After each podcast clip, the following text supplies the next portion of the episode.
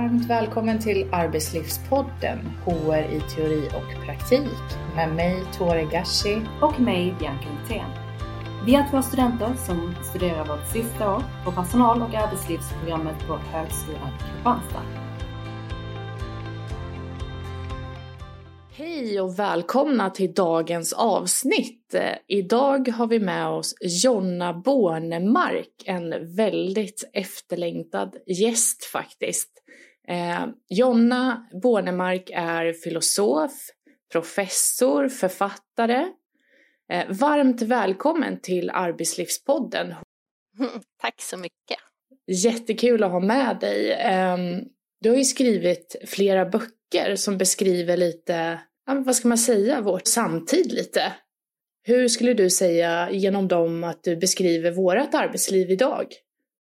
Ja, eh, arbetslivet är ju liksom stort och det ser olika ut på olika håll. Men det jag har mest erfarenhet av och mitt så att säga empiriska material kommer ifrån eh, offentlig sektor. Det kommer ifrån eh, mellanmänskliga yrken. Det kommer också ifrån eh, ja, men människor som jobbar mer administrativt eller så inom, eh, på myndigheter kanske eller eh, så. Men, men, bara för att peka ut vilka fält som eh, jag har eh, material ifrån. Och det här materialet kommer nämligen från mina studenter när jag jobbar på Centrum för praktisk kunskap. Och vi har utbildningar för människor som jobbar i vad vi kallar för mellanmänskliga yrken. Eh, och då kan man ju tänka mycket vård, skola, omsorg, men också chefer och också HR-personal. Det är ju i hög utsträckning också ett, eh, ja, men har hela tiden med människor att göra, eller hur? Eh, så, att de yrkesgrupperna eh, är, de eh, jag uttalar mig mest om. Men vittnesmålen från de här grupperna och framför allt från de som jobbar i kärnverksamheten är ju att det under 2000-talet har hänt ganska radikala saker på vår, inom arbetslivet. Som gäller just en ökad manualisering, en ökad idé om att det ska finnas evidens för allt man gör och att den där evidensen sen på något sätt ska formaliseras i just en typ av riktlinjer, eh, kvalitetsregister, eh, manualer och att jobbet blir att följa manualerna eh, där det tidigare har handlat mer om att ehm, höra till en profession som har eh, Eh, ett gott självförtroende i att utifrån sin utbildning och erfarenheter handla eh, och sköta sitt jobb eh, med basis i sitt omdöme. Kan man säga. Så den förskjutningen från en omdömeskunskap till en mer manualbaserad kunskap eh, har, har vi sett på väldigt många olika fält helt enkelt. Och det här får en massa konsekvenser på, på många olika områden. Men det vi kan, om vi pratar i breda ordalag fortfarande, eh, så, är det uppenbart att jobbet vrids liksom lite bort ifrån just de här mellanmänskliga relationerna och vrids mer till att man ska göra rätt, så att det ser rätt ut i papprena så att säga. Och administrationen blir ju där eh, mycket viktigare och kärnverksamheten har en tendens att hamna lite mer i skugga. Jag upplever det lite som att du representerar en röst för de här mellanmänskliga yrkena och lite vad som händer. Kan du på ditt perspektiv se lite att det är människan som, att man tar bort människan lite? Ja, och, och, jag blir glad när du säger att jag kan vara en röst för ett perspektiv och det kommer ju just ifrån att jag har jobbat så nära, eh, eller mina, de här studenterna som har väldigt mycket yrkeserfarenhet med sig. Eh, det kan vara, eh, jag har jobbat jättemycket till exempel med, med förskollärare eller barnskötare som blir förskollärare och har med sig, men som har jobbat väldigt länge. Men också in, inom vården, eh, inom eh, socialt arbete och, och, så. Och där, alltså alla de yrkena så söker man sig ju till dem för att man vill jobba med, med barn, man vill hjälpa gamla, man vill eh, stötta dem i samhället som behöver stöd. Eh, så att man söker sig till jobben just för det mänskliga. Och jag tror att det just därför skaver lite extra mycket inom de yrkena när det blir väldigt formaliserat och när fokus liksom förskjuts bort ifrån människorna. Och, och det här att ha tid att lyssna in, att eh, se, se, vad just den här personen behöver just idag. Um, ja, men allra tydligast kanske det har varit inom äldreomsorgen där det på, fortfarande på allt för många platser är väldigt standardiserat med hur många minuter ska en dusch ta? Eh, exakt hur många minuter ska jag vara hos den här människan? Eh, som inte alls tar hänsyn till var den människan befinner sig idag och hur man kan genomföra en dusch på ett etiskt sätt ens. Och så vidare. Så, så att jag håller liksom med om det du andades där om, om att det blir en vridning bort från just mellanmänskliga relationer och att väldigt många människor mår dåligt av det. För då känner de att de inte riktigt kan göra sitt jobb eller det här, blivit, det här jobbet har blivit ett annat. Faktiskt, om, om jag får en sak till på det området. Jag pratade med en barnmorska som sa, vill du hjälpa födande kvinnor att föda? Eller gravida kvinnor och föd och vara gravida och sen vara där och stötta dem när de föder, då ska du inte bli barnmorska, då ska du bli dola. För vi har inte tid med sånt. Åh, vilken intressant eh, sak att säga om sitt eget yrke. Alltså, jag finner lite likheter i det du säger. Lite vi har ju pratat lite tidigare i podden om digitalisering och eh, påverkan kring det. Eh, och det är ju en form av mätbarhet också eh, i arbetslivet. Men det får mig lite att tänka på vårt eget kommande yrke där man pratar väldigt mycket om att väljer du HR så är det inte för att du har valt människan utan det ska vara på grund av andra anledningar. Just det. Och vad tänker, om, vad, vad tänker man då att det är för andra anledningar? Ja, man pratar lite om att det är ju att man ska vara en stödfunktion. Pratar man väldigt mycket om. Man är en stödfunktion för chefer, man är en stödfunktion för ledning, man är en stödfunktion för, eh, ja, för diverse avdelningar inom organisationen. Men man är inte direkt ut så att man träffar människan faktiskt. Gud vad intressant att du säger det. För att en sak som har hänt i de här förskjutningarna är just att administrationen har fått en annan uppgift, en annan plats. Och här finns annan forskning än min också som visar. Ehm, för innan så var ju till exempel HR en stödfunktion för kärnverksamheten. Att liksom eh, hjälpa människor att, att hitta rätt, att, att de man kan vända sig till om man får en viss typ av problem. Eh, och, och, så, så, att de fanns liksom där för kärnverksamheten, för att hjälpa kärnverksamheten. Men i den här förskjutningen som har skett på 2000-talet så blir administrationen, och där då HR är en del av den, eh, snarare en förlängning av ledningen som talar om för kärnverksamheten vad de ska göra. Så att det där med att eh, vara en stödfunktion för ledningen, det ändrar faktiskt hela yrkesområdet. För, för det är ju frågan, vem är HR till för? Är det till för eh, ja, men människorna som jobbar i den här organisationen? Eller är det till för att hjälpa ledningen? Och det är, det, man kan ju tänka, men ledningen vill väl att det ska vara bra för medarbetarna, så, så kan det ju vara. Men det är fortfarande två väldigt olika fokus. Jag tänker precis som du säger att, att man tittar på olika perspektiv. Om vi tittar då på ledning och medarbetare. Jag tänker också på, som Tori inledningsvis nämnde, att HRs funktion förändrats, men också att man pratar mer om HR-data idag, att det är betydelsefullt. Hänger det samman med samtiden, den utvecklingen om att det är mer mätbart idag? Eh, den här förskjutningen mot manualiseringen är ju, och evidens är ju en förskjutning mot siffror från eh, mellanmänskliga relationer. Och här finns ju någon sorts idé om att siffrorna är mer objektiva eller mer liksom har, har en eh, och objektiviteten bär på någon sorts distans snarare medan relationer är subjektivt och någonting vi liksom ska separera oss ifrån för att vi ska förhålla oss mer eh, just neutralt till världen.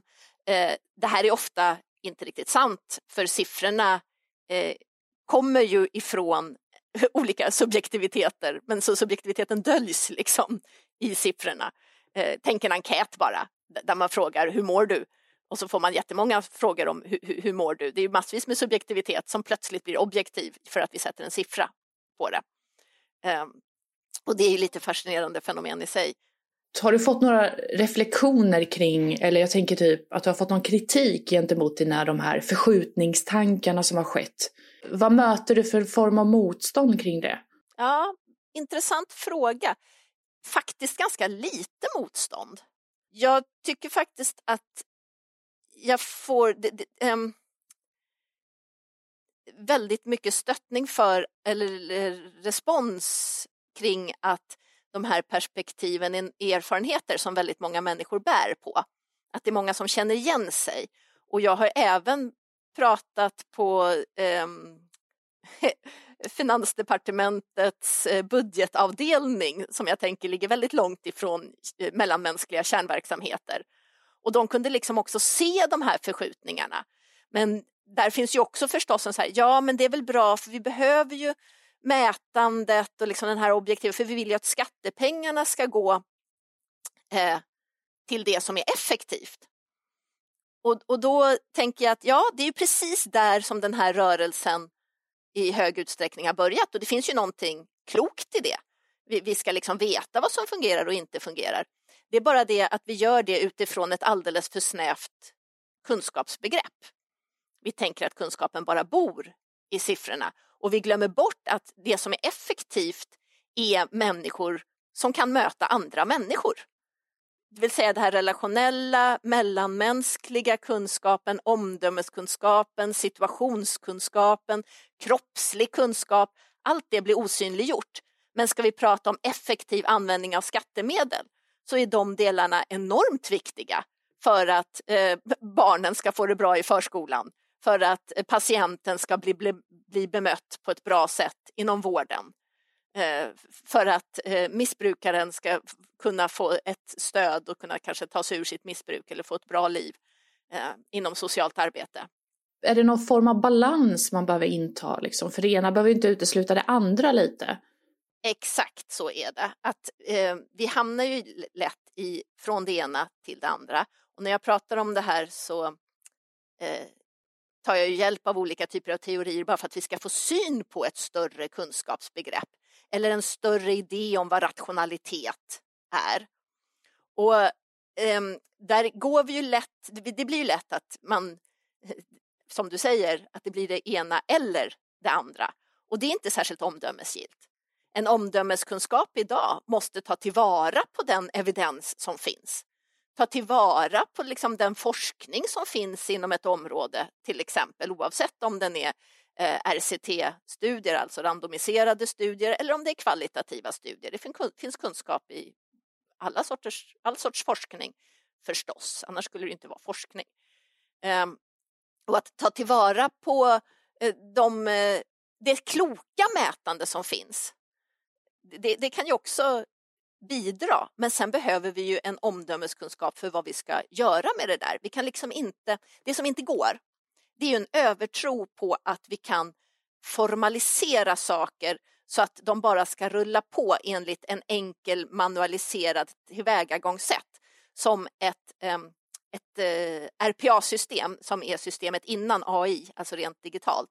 De väljer ju hela tiden om X så Y och händer Y så det här, alltså att ni vet så här flervals, eh, vid varje punkt så är det antingen ja eller nej på den här punkten och då går man vidare till nästa gren. Att man har en helt förutsägbart system som allting bara ska mallas in i. Det finns en sån idé om att mycket verksamhet skulle liksom kunna följa en sån logik. Men omöjligt för att verkligheten är alldeles för stor och komplex. Det är liksom det som är grejen, att hur många manualer och sådana här eh, system vi inför så är verkligheten större och konkreta situationer kommer alltid att Ja, men många system, eller situationer kan förstås passas in i den typen av mallar och där kan den där typen av mallar vara ett stöd. Men det kommer hela tiden komma situationer där manualen inte räcker till, för verkligheten är större. Jag tycker att det är ganska intressant som du säger att vissa situationer, där finns det inte alltid mallar eller manual att förhålla sig till. Vad gör detta i förlängningen med människans omdöme? Ja, det är det som är risken att vi slutar träna omdömet om vi bara tror att vi ska följa en mall. Och om vi tror att jobbet går ut på, eh, för till syvende och sist, allt för mallat så blir det att lyda order. att göra som någon annan har tänkt ut, då behöver inte jag riktigt ta ansvar för det, för jag gjorde bara som det stod. Och det här har vi sett eh, skapar problem, eh, inte minst inom socialt arbete och inom omsorg, att alla gör precis som det står, men situationen blir helt fel. Den blir helt galen, liksom. Men vi gjorde som det stod, men det var faktiskt kanske till och med en eh, ondska är ett starkt ord, men, men det blir liksom fel för människorna som är inblandade. Um, de här är lite, jag vågar inte riktigt ta något eh, exempel för det blir att lämna ut eh, för, för, folk. Men vi pratar om någon slags följsamhet som människan intar. Um, och då, det får mig direkt att gå tillbaka till det här när jag pratade om motstånd. Um, efter att man har läst dina böcker och uh, det här förskjutningen som du pratar väldigt mycket om, så lämnas man lite i någon slags tomhet. Och då tänker jag att det kanske är därför man inte gör sådär jättemycket motstånd. Men samtidigt som jag själv hamnar i en sån här tomhet efter att ha läst vad du säger om vår samtid, så undrar jag liksom, vad är det för mod man ska inta i våra olika mänskliga yrken som du vill ge råd om? Spännande, men jag vill höra mer om den där tomheten. Vilken sorts tomhet är det? Förklara. Jag tror att det är det här som du nämnde tidigare, att man kan känna igen sig. Jo, men så här är det ju faktiskt. Att jag, liksom, jag är ju följsam, jag följer manual, jag följer mätbart. Man, man går in i en sån här roll där man bara följer. Och sen när du levererar det här, vad gör det här med det mänskliga omdömet? Vad gör det med oss människor? Så blir man lite tom. Man blir lite så här, man vet inte riktigt hur man ska agera. Och då tänker jag direkt på att man vill ju gärna, jag vill väldigt gärna göra ett motstånd, för jag vill ha en fot i praktiken. Och, och stötta dem, för det, jag tänker det är det ni är till för, ju att kärnverksamheten ska bli så bra som möjligt. Ja, men då förstår jag bättre. Och ehm, här finns det ju, för, människor gör väldigt mycket motstånd mot den här typen av system redan idag. Jag skulle tro att systemet hade kraschat om det inte fanns ett, till att börja med, mikromotstånd. Eh, att, att man, ja men det här blir ändå galet, nu måste jag ändå göra så här. Och så, och så lägger man, eller man lägger bara det mest förpapprade av papper underst i högen. Eller eh, ja, men någon, någon, typ av liksom vardagsmotstånd där man ändå fortsätter att använda sitt omdöme och bedöma att ja, men här är det okej okay att följa den här manualen, men här blir det tokigt. Här, här måste jag ändå eh, agera på ett lite annat sätt. Men det kanske inte riktigt syns, för det kanske inte är så mycket som står på spel. Eh, där, där finns ett motstånd. Men om man också vill göra, om man ser att ens yrkesroll liksom förvrids på, på ett sätt som inte riktigt är sunt, då kan man ju behöva göra ett makromotstånd. Och jag tänker att ett makromotstånd, det, det första man behöver göra är ju att verbalisera, eh, formulera, men, men vad finns det för typ av problem just här och på min arbetsplats? Det där är, jag levererar ju någon sorts liksom allmän, stor analys. Men hur ser det här ut inom vår verksamhet? Och, hur, eh, och, och att då i den verbaliseringen så behöver man ju prata med andra och hitta andra som kan se att eh, som också bara börjar våga se att vi skulle faktiskt kunna göra på andra sätt. Men här ska man också vara medveten om att eh, den här tryggheten i att ha en rak linje mellan evidens ner till en manual. Eh, den tryggheten som jag ju tycker många gånger kan lura oss. Vi tror att vi gör rätt så, så länge vi följer den där eh, formalian. Eh, och därför är det viktigare att följa den än att lyssna på sitt eget omdöme eller sina kollegors omdöme eller ett kollektivt omdöme för man är inte alltid ensam. Eh, men ehm, eh, där behöver man ju också ibland ta den diskussionen. Men titta här, här blir det ju tokigt. Och, och det kan inte vara det viktigaste att alltid lyda order. Och vill man ta diskussionen ett steg till så kan man ju fråga sig, men vad vill vi ha för medarbetare inom den här organisationen? Vill vi ha eh, en, ja men det Hanna Arendt kallar för en banal ondska? Ingen tänker själv och alla bara lyder order. Är det så? Är, är det vad människor ska vara? Är det så vi ska organisera oss? Det finns ju de eh, samhällen och de tillfällen där man tycker att det är så mänsklig organisation ska se ut. Tycker vi det? Finns det risker med att man är den här modiga individen ute i arbetslivet så att man blir utfryst, att man Alltså att det är sådana frågor också som väger in till att man inte riktigt vågar alla gånger. Ja men verkligen, det är därför jag tycker att det är så viktigt att bygga allianser För står man själv, då, då, har man, då kan det bli väldigt, väldigt svårt om, om det finns ett stort motstånd och man tycker att det finns stora problem. Ehm, och, och, då finns verkligen risken för utfrysning. Det är därför man behöver vara någon typ av kollektiv och prata ihop sig och, och, och fundera över vilka ord man använder var och hur. Det är liksom ett taktiskt arbete. Ett annat stor fara är ju utmattning. Och utmattning har vi ju sett eh, kan ju uppstå bara av den situationen innan så att säga. Eh, om man eh, har en etisk stress till exempel. Man känner att man skulle, det viktiga i mitt jobb är egentligen att göra X men jag tvingas att göra Y för det är det som är rätt enligt mallen. Där föds en etisk stress som, som, som hjälper till att leda till utmattning. Men att ständigt liksom slåss mot väderkvarnar om det känns övermäktigt, det kan förstås också leda till utmattning. Så här gäller det ju att eh, ta hand om sig själv också eh, i, i, en sån process. Men oftast, ja, men om man också börjar verbalisera det och det är fler som känner igen att ja, men det finns ett problem här så tycker jag inte att det ska behöva och, och, och, man har bra ledning som ändå kan se att ja, men det här behöver vi hantera i och att det inte behöver vara revolution. Hur kan vi reformera? Det är inte att, gå, att slänga ut all evidens och alla manualer utan hur kan vi använda dem på ett klokt sätt? Och hur kan vi lyssna till att varje konkret situation är faktiskt lite annorlunda än andra konkreta situationer? Och, och att det är det som är professionalitet i att kunna ta in eh, och agera och handla i en ny situation. Jag skulle bara säga att, att, riskerna finns absolut där och de är det viktigt att man är medveten om. Men det, att inte göra någonting bär också på risker. Som det här med etisk stress till exempel. Och också vara del av en organisation som man inte känner är helt sund. Det, det bär också risker. Att inte säga ifrån, att, att liksom få um, känna att man borde göra någonting fast inte gör det. Det, må man, det kan man också må dåligt av.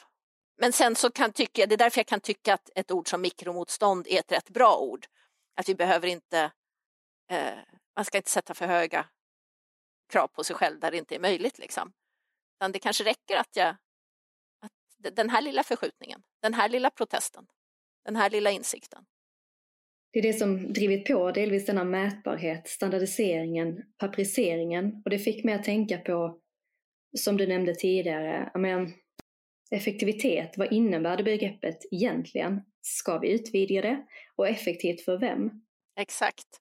Verkligen precis så. Och, och återerövra det ordet. Jag tycker ju om ord eh, och, och, det är kul. Eh, jag har, har liksom tre kategorier av ord. En del ord tycker jag vi ska dissa Andra ord tycker jag vi ska reclaima och andra ord behöver vi uppfinna, eh, alltså nyord.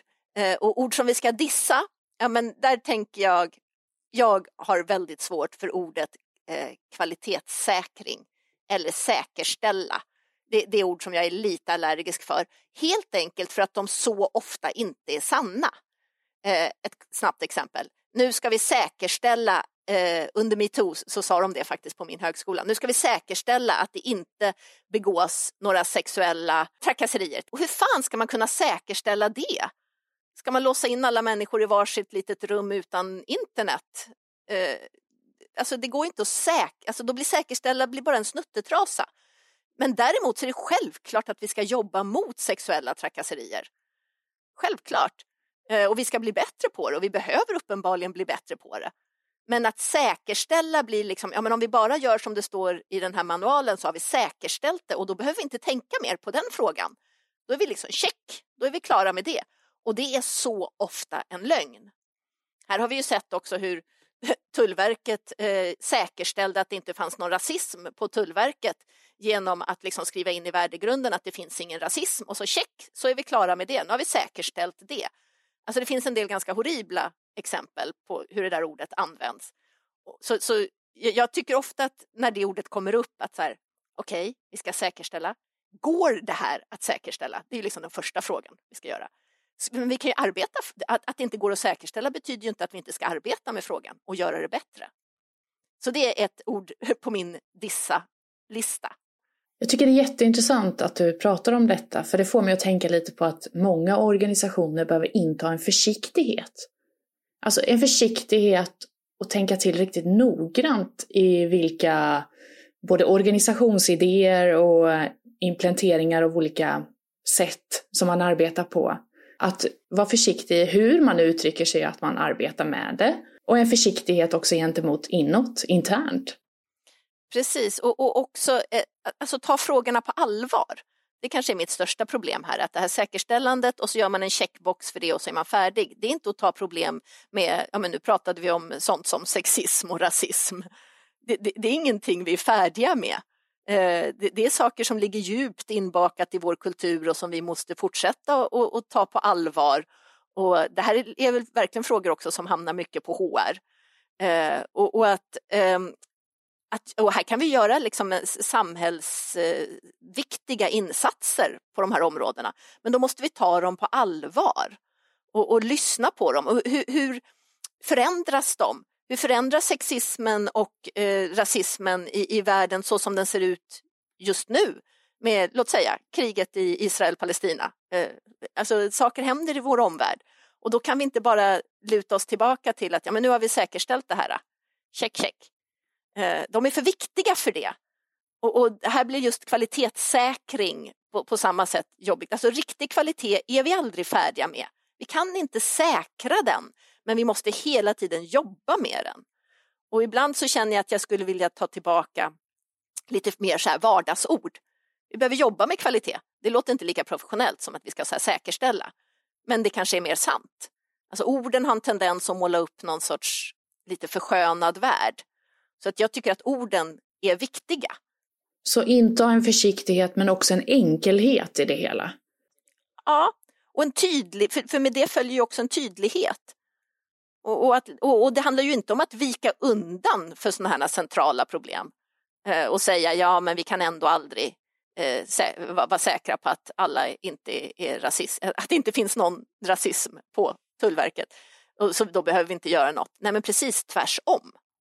Detta fick mig att tänka på en annan parallell. Eh, idag, om jag drar en parallell som berör lite vårt kommande yrke, rekrytering, där man använder olika modeller och sätt att rekrytera människor på. Vad har du för tankar kring det? Ja, de här initiala försöken har ju just visat sig vara både sexistiska och rasistiska. Eh, så att eh, de är ju inte bättre än hur människan, alltså en AI eh, är ju aldrig bättre än det material den är tränad på. Eh, och det har ju varit det stora problemet med rekryteringsbottar, eh, rekryteringssystem av olika slag.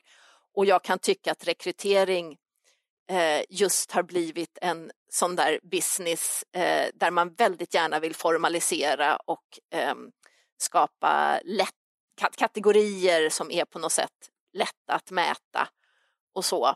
Och en, ja, men det finns så otroligt mycket eh, idéer om hur man på ett enkelt sätt ska strukturera upp det där eh, som jag kan ju känna mig väldigt skeptisk till. Ja, man har ju olika, ja, men det är ju både personlighetstester, logiktester och så, som man ska genomgå för ens få en mänsklig intervju sedan. Och här är ju, alltså det, det svåra här är ju liksom den eh, stora konkurrensen eh, och, och, när det är så här heta eh, tjänster på olika sätt. Men alltså det vi vill åt till syvende och sist är ju, om vi nu pratar om högprofilerade tjänster till exempel, är ju just en omdömesförmåga. Eh, det, det är ju just människor som kan handla och som är eh, kloka och som kan hantera kriser, eh, som kan hantera när hela situationen kastas om. Och bara en strikt logisk förmåga säger faktiskt ingenting om den typen av, av eh, kompetenser.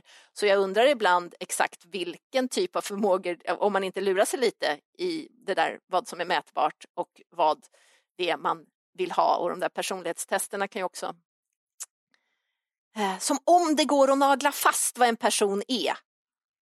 Eh, en människa är alltid mer Alltså jag har någon så existensfilosofisk eh, magprotest mot det där att nagla fast vad en människa är i, i, men vi är alltid vår riktning, vi är alltid på väg någonstans. Vi, vi är liksom mer än vad vi är. Eh, och då tänker jag att ja, men kan vi inte, går det att mm, få in mer liksom kvalitet i, i det? Alltså intervjuer, eh, samtal, men kanske också eh, använda sig mer av konstnärliga uttryck. Att, vad, vad, vad, händer om en människa kastas in i den här situationen och behöver uttrycka sig? Eh, nu menar jag inte någon sorts brutala experiment, men, men eh, tänka eh, på att människan alltid är mer. Eh, och, och, och, vi försöker, det är som om vi har en så ständig ambition att nagla fast. Och, och ja, men ni hör, det, det är det jag tänker ligger i de här säkerställa begreppen också. Och, och, och, det kan ju vara, alltså, vi behöver ju göra det också, vi behöver ha någon sorts ordning, men vår ordning kan aldrig äga världen. Och det är därför, för att gå till ett ord som jag vill reclaima, som, som ni var inne på tidigare, just med effektivitet. Det är därför det inte är effektivt att bli för fixerad vid sina system. Det är därför det är effektivt att ha människor som fortsätter att tänka, att känna, att använda sina erfarenheter, att använda sina sinnen, att vara, liksom använda alla de här fantastiska förmågorna som en människa har. Känslor har vi till exempel för att eh, veta vart, vad, vad, som är bra och vad som är dåligt. Vad vi är på väg till och vad vi är på väg från. Eh, och, och, här ska vi förstås, eh, här måste vi förstås på en professionell eller när vi använder oss av känslor titta på våra känslor. Vad säger känslorna? Men att utesluta känslor, det är en väldigt dålig idé. Då gör vi oss dummare än vad vi är. Så just det här att vi är subjektiva, att vi har känslor, att vi har erfarenheter, det måste vi hitta sätt att förhålla oss till och använda oss av och bli bättre på. Snarare än att försöka bli av med det. Vad finns det för risker med att man inte tränas nog i detta? Ja, då blir vi ju någon typ av, vi blir ju klart sämre än en AI eftersom en AI fortsätter att, att lära sig. Alltså vi, vi slutar ju lära oss och vi slutar att utveckla just det som en AI inte kan. En AI har inte känslor. Den har inget omdöme. Den har ingen relation till att allting skulle kunna vara på ett annat sätt. Alltså en relation till att vi inte vet. Den har inga levda, den har ingen levd kropp. Den har ing, på så sätt ingen sinnlighet. Den har ingen eh, liksom grundläggande värderingsförmåga. Och allt det här måste ju vi bli bättre på. Framför allt när vi har en AI som är jättebra på att eh, sammanställa stora mängder med data. Då behöver ju vi bli kanske ännu mer människor och, och odla de här sidorna av oss själva. Och om man tittar på liksom stora företagsledare eller så, så eh, jobbar de väldigt mycket med omdöme. Eh, vart ska vi ta vägen i den här oförutsägbara situationen? Eh, eller hur? Det, det, är ju ingen, liksom, om man bara följer en manual som företagsledare, då kommer det ju gå åt helvete, för manualen är ju alltid byggd på gårdagens fakta. Men det finns faktiskt ingenting som säger att gårdagens fakta är det som är viktigt imorgon. Just det, och då tänker jag att vi introducerar lite en av begreppen från dina böcker där du skriver om horisonten eller icke-vetande. Är det lite det? Ja, precis det, det är det som är så fascinerande med att vara en levande varelse, är ju att eh, vi alltid befinner oss inom horisonter av icke-vetande. Bara nu sitter jag och pratar med er eh, och, och, jag vet, ja, men jag vet lite grann, men jag vet väldigt lite om er. Vilka erfarenheter ni har, vad ni reagerar på när ni läste min bok, eh, eh hur er utbildning ser ut, vad ni tänker er framåt, vad ni har jobbat. Alltså, det är så otroligt mycket jag inte vet om er. Och det här är ju för mig i just den här situationen någon sorts horisonter av icke-vetande. För då försöker jag ändå hitta ja, men, rätt ord eller rätt teman som kan vara intressanta och relevanta för er. Men jag famlar mig ju fram för, för att det är så mycket jag inte vet här. Och samtidigt så får jag ju, tack och lov, så, så ser jag er, vilket eh, underlättar för då kan jag ändå se, ja men det där verkar hugga in, jag kan lyssna på vad ni säger. Jag suger ju i mig. Och när jag suger i mig eh, så står jag just i relation till allt det här jag inte vet. Och jag försöker suga i mig, ja men vad blir viktigt då? Och det skulle ju kunna vara så att eh, vi eh, pratade, vi spelade in en podd om dagen, lärde känna varandra jättebra Eh, och, och, då kommer det ju fortfarande vara så att ni är mer än vad jag vet och det kommer finnas andra saker som vi inte vet och som vi behöver relatera till. Så att vi kan ju liksom åka fram till den där ön som ligger vid horisonten och skapa massvis av kunskap och mäta en massa saker på den där ön. Räkna växter eller tidvattnet eller något. Men horisonten är, är ju någon annanstans då. Den har ju bara flyttat på sig. Så horisonten finns liksom alltid kvar och horisonten, eh, vad jag tycker om den bilden, är ju just för att den betyder att världen fortsätter trots att jag inte ser det. Eller hur? Vi tänker ju inte, ja men där bort, om vi tittar ut över ett hav och så ser vi horisonten, liksom, där tar havet slut ser det ut som i mina ögon. Men vi vet ju att världen liksom inte tar slut där. Eller hur? Vi, vi vet ju, för, för, vi vet, kan veta av erfarenhet och om jag åker med en båt dit så vecklar världen, liksom, den fortsätter att veckla ut sig. Så jag ser att jag inte ser. Precis som när jag pratar med andra människor. Om jag pratar med en människa så ser jag att, jag att det är massa saker där jag inte ser, för jag förstår att det finns känslor och tankar och erfarenheter hos den här andra människan. Och även i relation till mig själv. Jag känner ju inte, jag, jag, jag är själv liksom sådana horisonter, för jag vet inte allt om mig själv. Det är så mycket jag inte har medvetande gjort och jag kan gå i analys i sju år och liksom ta reda på saker om mig själv, men jag kommer ändå vara mer än vad jag själv har medvetande gjort om mig själv. För att vi är människor, för att vi är levande varelser. Och, och det här tänker jag att vi har en kultur som försöker förtränga eh, i, i vårt liksom, lite pedantiska eh, strävan efter att kontrollera allt. Och det är därför vi vill ha in allt i såna här snygga eh, system eller liksom manualer eller liksom vi, vi vill eh, och, och, då blockar vi ut att världen är större på det där sättet. Eh, för vi har ett sånt enormt begär efter kontroll. Och det där begäret har vi lyckats väldigt bra med också. Vi kontrollerar väldigt mycket. Eh, I miljöfrågor så är det uppenbart att vi liksom kontrollerar stora delar av vår natur och kan göra, utvinna både det ena och det andra, vi använder naturen som naturresurser. Men sen visar det sig ju att det där biter sig självt i svansen och vi har klimatförändringarna till exempel, eller artutdöendet på halsen. Så det blir som vårt begär att kontrollera, eh, vi kan ju inte kontrollera det. Och det får en massa konsekvenser, vårt kontrollbegär, som vi inte har kontroll över. Nej men precis, det där med att kontrollera miljön. Nu säger jag bara rent så vad jag tänker, att man tappar kontrollen över det. Um, vad händer med människan då? Precis, och, och det är ju på något sätt vårt, vår fantastiska förmåga att kontrollera som har lett till att vi tappar kontrollen i klimatförändringarna. Och vi vet inte alls vart det kommer leda eller vilka konsekvenser det kommer få, mer än att vi vet att det kommer få en massa konsekvenser. Eh, och ganska stora sådana.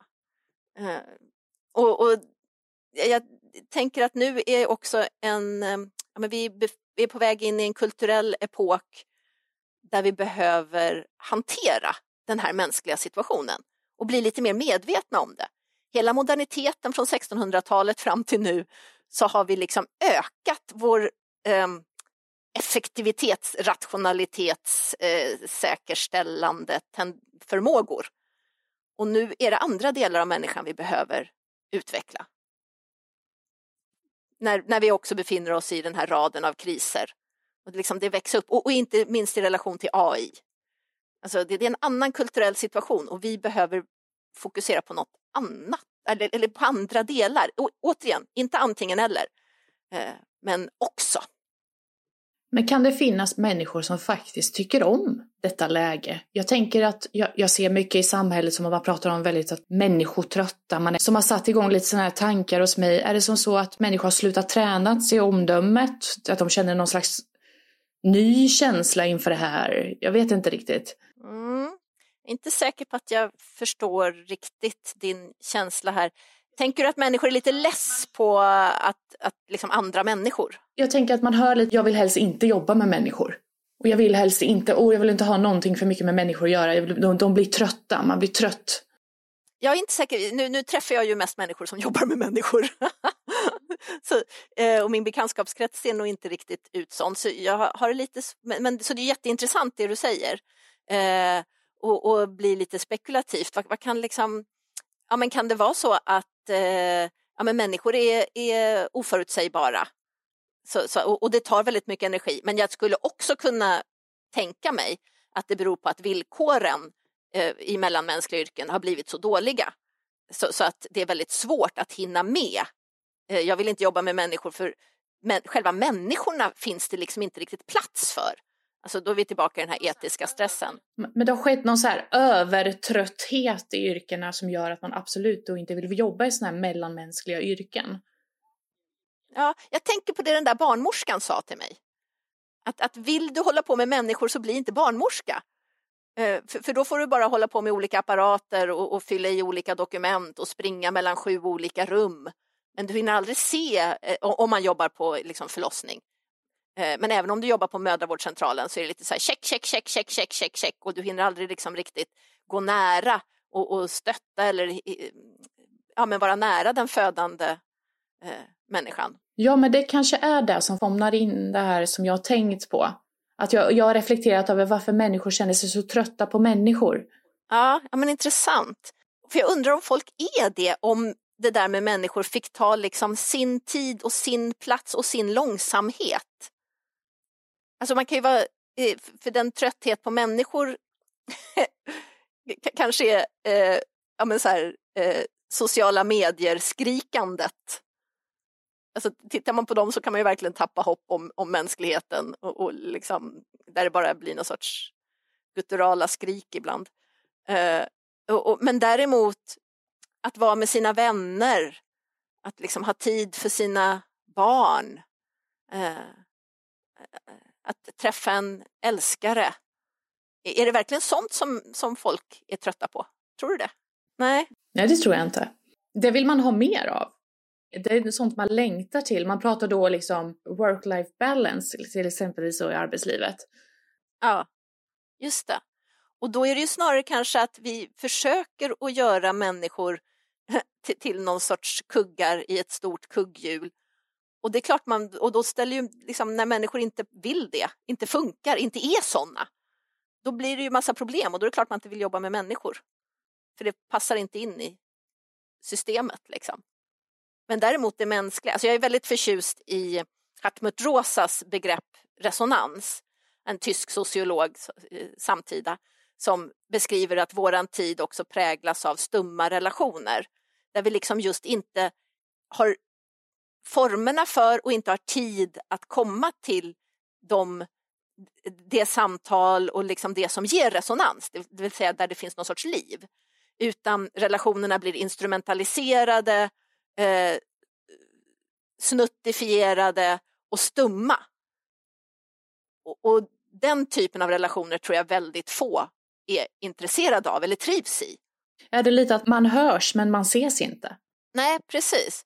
Och, och, om, jag, om jag är HR någonstans och, och, jag möter en medarbetare på en arbetsplats som har en viss typ av problem, ja, men då är det mitt jobb att genast snabbt stoppa in den här människan i kanske ett program eller liksom lösa problemet.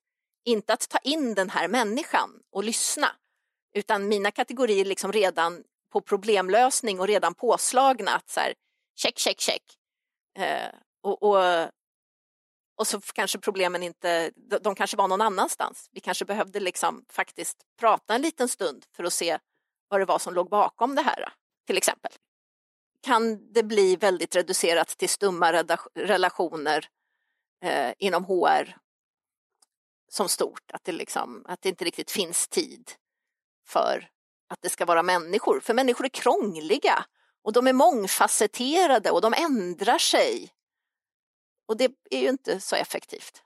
Ja, vad skulle du säga som är lite så här avslut på allt vi har pratat om? Vad ska vi ta med oss då som eh, blivande personalvetare ute i arbetslivet och råd till även andra som lyssnar? Vad ska vi ha med oss i bagaget ute i arbetslivet? Jag tycker att ni ska ta med er att eh, situationskunskap, omdömeskunskap också är kunskap. Att kunna möta och lyssna på den här människan just här, just nu, just idag och skapa just resonans i det mötet. Det vill säga att det är ett, lev- att det är ett möte mellan två levande varelser och inte någonting som bara ska placeras in i ett Excel-dokument. Check, check, check, det vill säga ett, en stum relation och en instrumentaliserad syn på andra människor. Ehm, det tänker jag är eh, helt centralt för den, den funktion som HR är. För att man ska kunna göra sitt jobb så måste, det, måste man hålla att det är människor det handlar om och, och ge plats för det mänskliga och möta det mänskliga. Och då är det just en omdömeskunskap som står i centrum. För omdömeskunskapen ser eh, det situationsunika. Eh, ser att den här människan kanske checkar in samma boxar som den här andra människan, men det är, men det är någon annan. Den har, de, de, de, de kan se lika ut på pappret, men det är två helt olika personer. Människan är alltid liksom mer och låter sig inte reduceras. Och att bibehålla den typen av ja, men kanske så här humanistisk reflektion eh, och, och liksom betona att det är en central yrkeskompetens. Det, det, är inte bara lite så här att känna lite eller lite intuition eller magkänsla eller flum. Det är professionell kunskap. Det tycker jag att eh, man i alla fall ska fundera på och se hur det, om det stämmer enligt ens egna erfarenheter. Ja, det var väldigt bra sagt, för man tänker ju lite kring den här intuitionen och magkänslan och alla tankar och känslor som man har som någonting som inte är värd kunskap. Just det. Och, och det är det kanske inte heller om man bara låter det spy ut. Alltså att bara direkt agera, för då kan det ju vara sina fördomar man agerar på. Men att titta på, förhålla sig till sin, eh, och nu fick jag den här känslan, varför det? Fick du den? Att, att liksom fundera på, säger det någonting mest om mig eller säger det någonting om här? Är det någonting som ligger och gnager här? Och kanske ställa några frågor till i riktning på det här gnagandet. Det tänker jag är ett, en professionell användning av sin subjektivitet. Är, är ni med? Det är där det blir liksom en kvalificerad kunskap och en kvalificerad kompetens. Inte att bara blir man arg så slår man någon i huvudet, förstås. Men att odla det, att undersöka att ta tillvara på det. För vår känsloapparat, vår sinnlighet är ju det vi har för att knyta till en konkret situation. Alltså det, det, det är ju utan det så, eh, så, så, vet vi ingenting. Men vad intressant. Jag lyssnade mycket till att knyta an det till magkänslan och känslor. Att inte muta bort utan snarare ställa frågor såsom varför känns det på detta sättet. Att ställa reflekterande frågor till sig själv och öppna upp det i ett lite större sammanhang med någon annan. Just det, precis. Och om man eh, får en känsla i relation till en medarbetare som man ska stötta på något sätt. Oj, varför känner jag så här? Först fundera på det och sen kanske hitta lite andra frågor, lite andra vinklar. Låta det liksom guida en i den fortsatta undersökningen. Vi behöver ana att ana är ju att stå i relation till det här med horisonter av icke-vetande. Att, att eh, eh, det är någonting, alltså det är så vi hela tiden gör när vi, måste, när vi tänker nya tankar, när vi lär oss någonting. Det börjar med aningar och så måste vi undersöka de där aningarna. Well said. Så lite för att sammanfatta det vi har pratat om. Ehm, det ena behöver inte utesluta det andra. Så eh, en fot i båda världar lite. Mm. Men också måste jag säga, just nu så är det liksom så skevt. Vi har så mycket mätbarheter och, och så mycket manualer. Så att eh, det, det farliga om man säger både och är att vi bara lägger på en massa krav på omdömessidan också och vi behöver ta bort saker. Annars kommer vi bli totalt utmattade. Och här ska vi fundera på vilket mätande ger oss någonting? Vilket mätande är ett bra mätande? Vad hjälper oss? Vilka manualer kan vi kanske ta bort för att de bara krånglar till saker? Så att vi behöver också, för att det ska kunna bli både och, så måste vi skapa ett utrymme för omdömeskunskapen och ett, liksom ett handlingsutrymme och då kan vi också behöva ta bort saker. Det låter vettigt som du säger att istället för att stapla upp flera rutiner och ställa krav på omdömesförmåga så måste vi först och främst börja med att titta på handlingsutrymmet och ifrågasätta de rutiner och arbetsprocesser som finns. Precis, och, och fundera på vad tycker vi det ska finnas för relation här mellan, vilket handlingsutrymme ska vi ha? Är vi professionella, det vill säga har vår utbildning gett oss en kompetens att faktiskt ta beslut och handla? För, för det är det som blir så absurt, vad ska vi med långa utbildningar till om vi sen inte tror att de här människorna kan fatta egna kloka beslut. Då, kunde vi, då är det en enorm effektivisering. Då kan vi ta någon från gatan in till HR eh, som bara ska följa en manual. Behöver de inte kunna tänka eller behöver kunna, behöver inte ha någon teoretisk kunskap. Bara gör som det står här, okej. Okay. Eller eh, mer eh, realistiskt, vi behöver inga människor alls. Vi, vi kan sätta en, eh, ett RPA-system på, på, att göra det. Eller en AI-bot. Och då behöver vi liksom, liksom verkligen fånga upp ja, men vi behöver ha ett handlingsutrymme. Ska vi prata om professioner och professionell kunskap så måste det finnas ett handlingsutrymme. Och vilket är det? Det finns ju så mycket att säga om allt det här. Det väcker ju så mycket känslor också. Även om det ibland kan uppfattas som lite tomhet också. Du ändå har berört väldigt många viktiga delar. Alltså att det ena inte behöver utesluta det andra, men också vad det innebär att det ena behöver inte utesluta det andra, utan att lägga på saker som inte hör hemma där. Um, och sen pratar vi lite det här med att vi är alltid människor och vi kommer alltid att vara människor.